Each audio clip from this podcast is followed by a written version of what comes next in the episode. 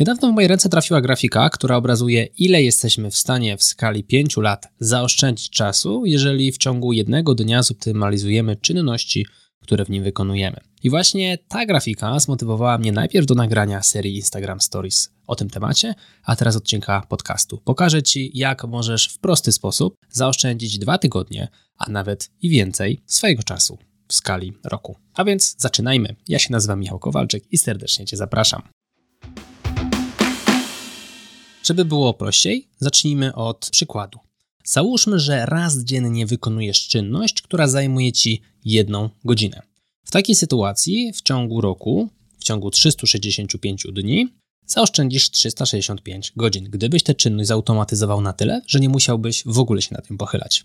A więc w roku daje nam to 15 dób, czyli 15 razy 24, daje 365 plus minus. W przypadku dni roboczych, oczywiście tych dni jest mniej. Mamy 251 dni roboczych w roku, czyli zaoszczędzimy w ten sposób 251 godzin, a także nie dzielimy już tego czasu przez 24 godziny, tylko przez 8 godzin, bo najczęściej właśnie tyle pracujemy. I w ten sposób zaoszczędzimy 31 dni. A więc jeżeli zautomatyzujesz czynność, którą wykonujesz raz dziennie i zajmuje ci ona jedną godzinę, to dzięki zautomatyzowaniu tej czynności jesteś w stanie zaoszczędzić w, ciągu roku 31 dni roboczych, co w zasadzie daje półtorej miesiąca. Całkiem niezły wynik, a to tylko jedna godzina.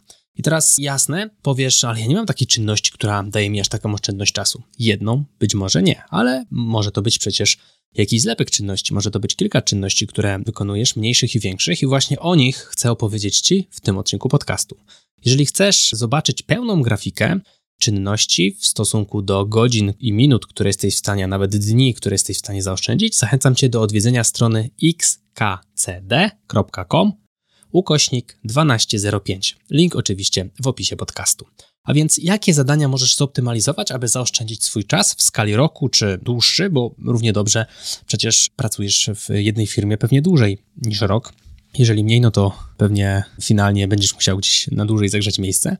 Więc w skali nawet roku mamy optymalizację typu zadania z Excela. To jest coś, co myślę łatwo przychodzi nam do głowy. Mamy jakieś pliki Excelowe, które regularnie odświeżamy, jakieś raporty, wklejamy nowe dane, wysyłamy regularnie naszym przełożonym, być może w regularny sposób przygotowujemy się do team meetingów cotygodniowych, jakichś porannych sprintów i innych spotkań, które tutaj w korporacji mamy i do tego potrzebne są nam pliki. I te pliki przez to, że spotkania są cykliczne, również cyklicznie produkujemy. Warto się zastanowić, czy wszystkie dane musimy pobierać ręcznie. Być może możemy zaprzęc do tego Power Query. Więcej o tym narzędziu znajdziesz w kursie raporty.pro.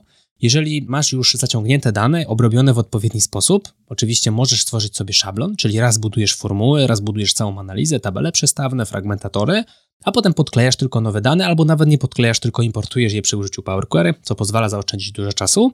I na końcu te raporty możesz nawet wysłać do zainteresowanych automatycznie przy użyciu makr Excela. Więcej o makrach możesz dowiedzieć się z kursu makraivba.pl.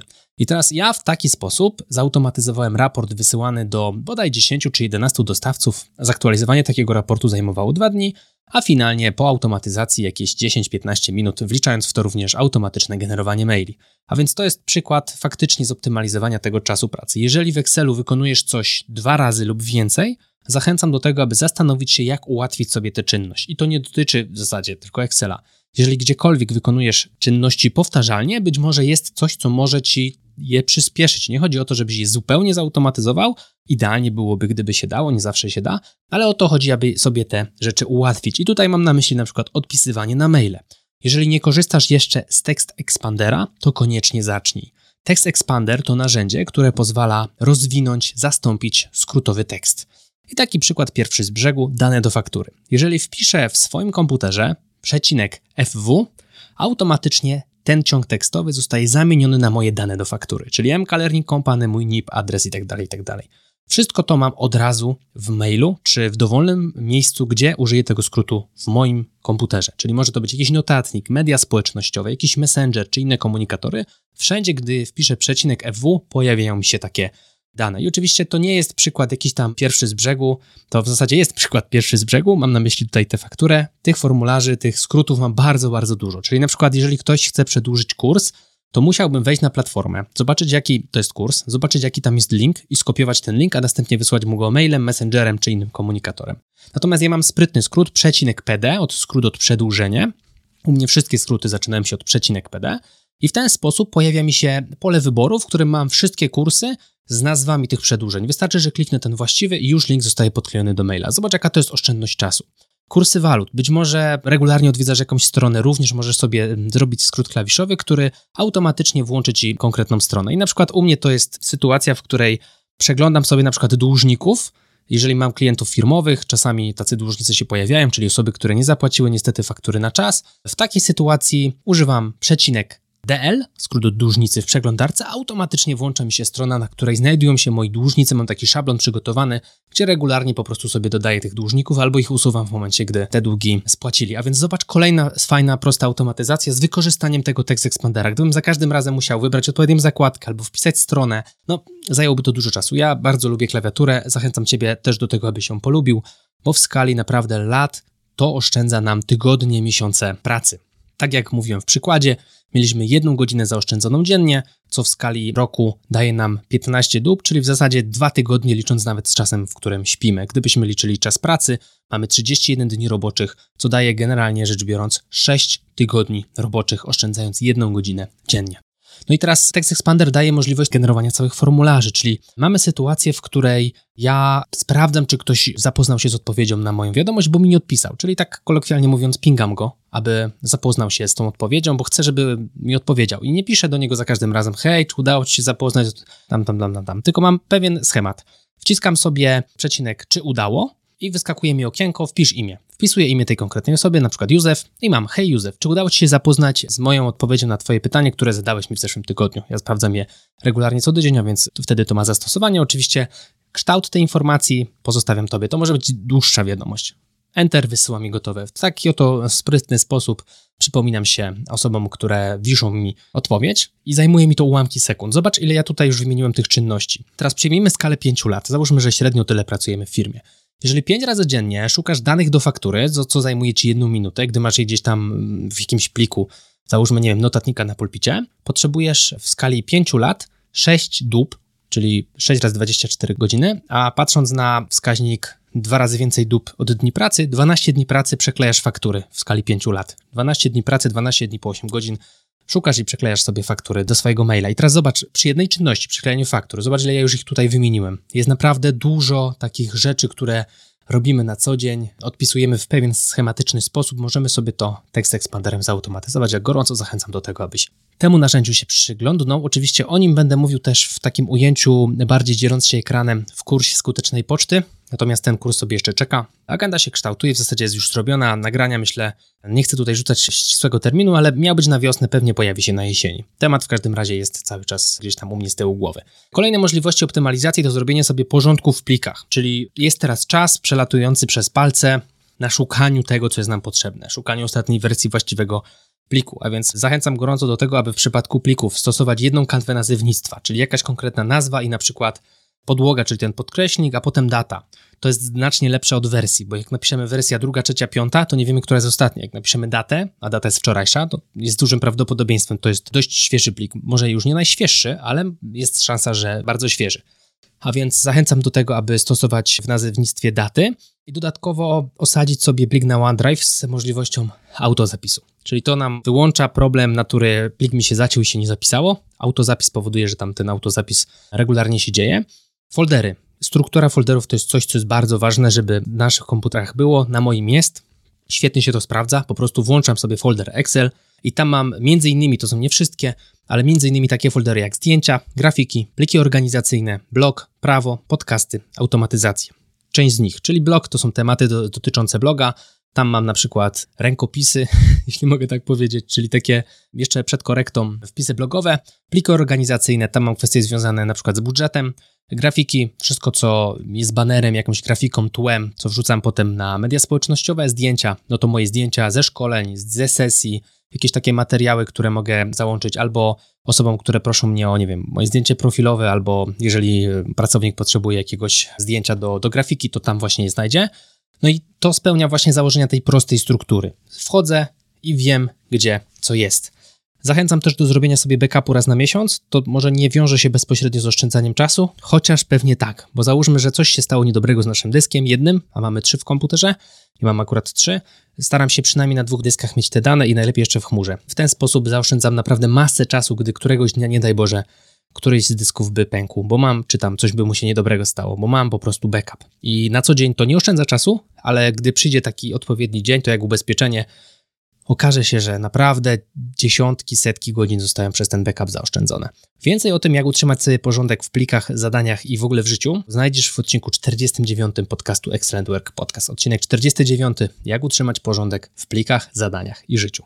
Kolejna rzecz warta zaopiekowania. W przypadku maila rozmawialiśmy już o Text Expanderze. Porozmawiamy jeszcze trochę o tak zwanym Inbox Zero, czyli sytuacji, w której w inboxie, inaczej w folderze odebranych nie ma żadnego maila, albo są maile, z którymi wiesz, co zrobić. U mnie ta sytuacja jest permanentna, czyli ilekroć odpalę pocztę, siedzę dotąd, dopóki nie zejdę z wszystkich maili. I tutaj gwiazdka, no ja ich nie dostaję jakoś strasznie dużo, chociaż ostatnio trochę więcej, powiedzmy z 30-50 na dzień. Nie jest to jeszcze jakaś straszna liczba, ale dbam mocno o to, żeby były tam tylko te, z którymi coś muszę zrobić i z każdym z nich zazwyczaj coś muszę zrobić. Maile dzielę na trzy typy, jakby przechodząc przez nie albo je robię od razu, albo oznaczam je czeka na odpowiedź, jak już, znaczy robię je od razu i potem oznaczam flagą czekam na odpowiedź, albo jest to mailing i on trafia do folderu mailing, który czytam w wolnej chwili, Albo są to maile transakcyjne, które też trafiają w odpowiednie miejsce. Maile transakcyjne to takie maile w stylu ktoś kupił kurs i platforma mi wysyła powiadomienie, że kurs został kupiony. To jest mail transakcyjny.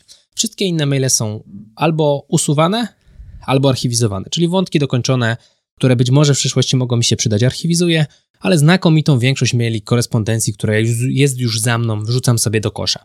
Mam jeszcze takie foldery, które traktuję jako trochę bazy danych, czyli folder pozytywne, tam składuję maile, gdzie ktoś wyraził pozytywną opinię o moim kursie czy o mojej działalności. No i folder feedback, czyli tam, gdzie ja komuś odpowiadam na Excelowe jakieś wątki, stosuję sobie te dwa foldery po to, że kiedyś, gdy potrzebuję na stronę wrzucić sobie jakieś opinie, inne rzeczy, no to mam miejsce, w którym mogę takie rzeczy znaleźć. A więc proste działanie w mailu. Albo coś robię, albo archiwizuję, albo usuwam, a w przypadku takich bardziej złożonych zadań, bo taka sytuacja też może mieć miejsce, albo zostawiam sobie właśnie w inboxie z wiedzą, że ja to naprawdę zrobię. To nie będzie tam leżało pół roku, tylko ja to zrobię. Albo mogę to zarchiwizować i wrzucić sobie zadanie do aplikacji do zadań. I tu się pojawia kolejne miejsce na optymalizację, czyli prosta aplikacja do zadań. Prosta jak na przykład Todoist. Nie musi być wcale jakaś ultra złożona, szczególnie na początek. Chociaż do zastanowienia na przykład ClickUp jest troszkę bardziej złożony, ja z niego korzystam. Trochę się ostatnio coś zaczął przycinać, ale ogólnie powiedzmy jest ok. I teraz chodzi o to, aby gdy masz jakieś zadanie w mailu do zrobienia, wrzucić sobie je, wrzucić sobie je na jakiś konkretny dzień, a maila sobie zarchiwizować, żeby inbox po prostu był czysty, a ty w aplikacji do zadań wiesz, co będziesz robić. I teraz Mając szerszy przegląd zadań, które są przed tobą, możesz znów oszczędzać czas poprzez ich grupowanie, czyli robienie podobnych zadań razem. I w przypadku mnie to się dzieje, jak chodzi o nagrania. Staram się po prostu robić sobie jakiś dzień nagrań, gdzie się przebieram, maluję i w ogóle pudruję, robię fryzurkę, żeby wszystko było nagrane po prostu jedno koło drugiego.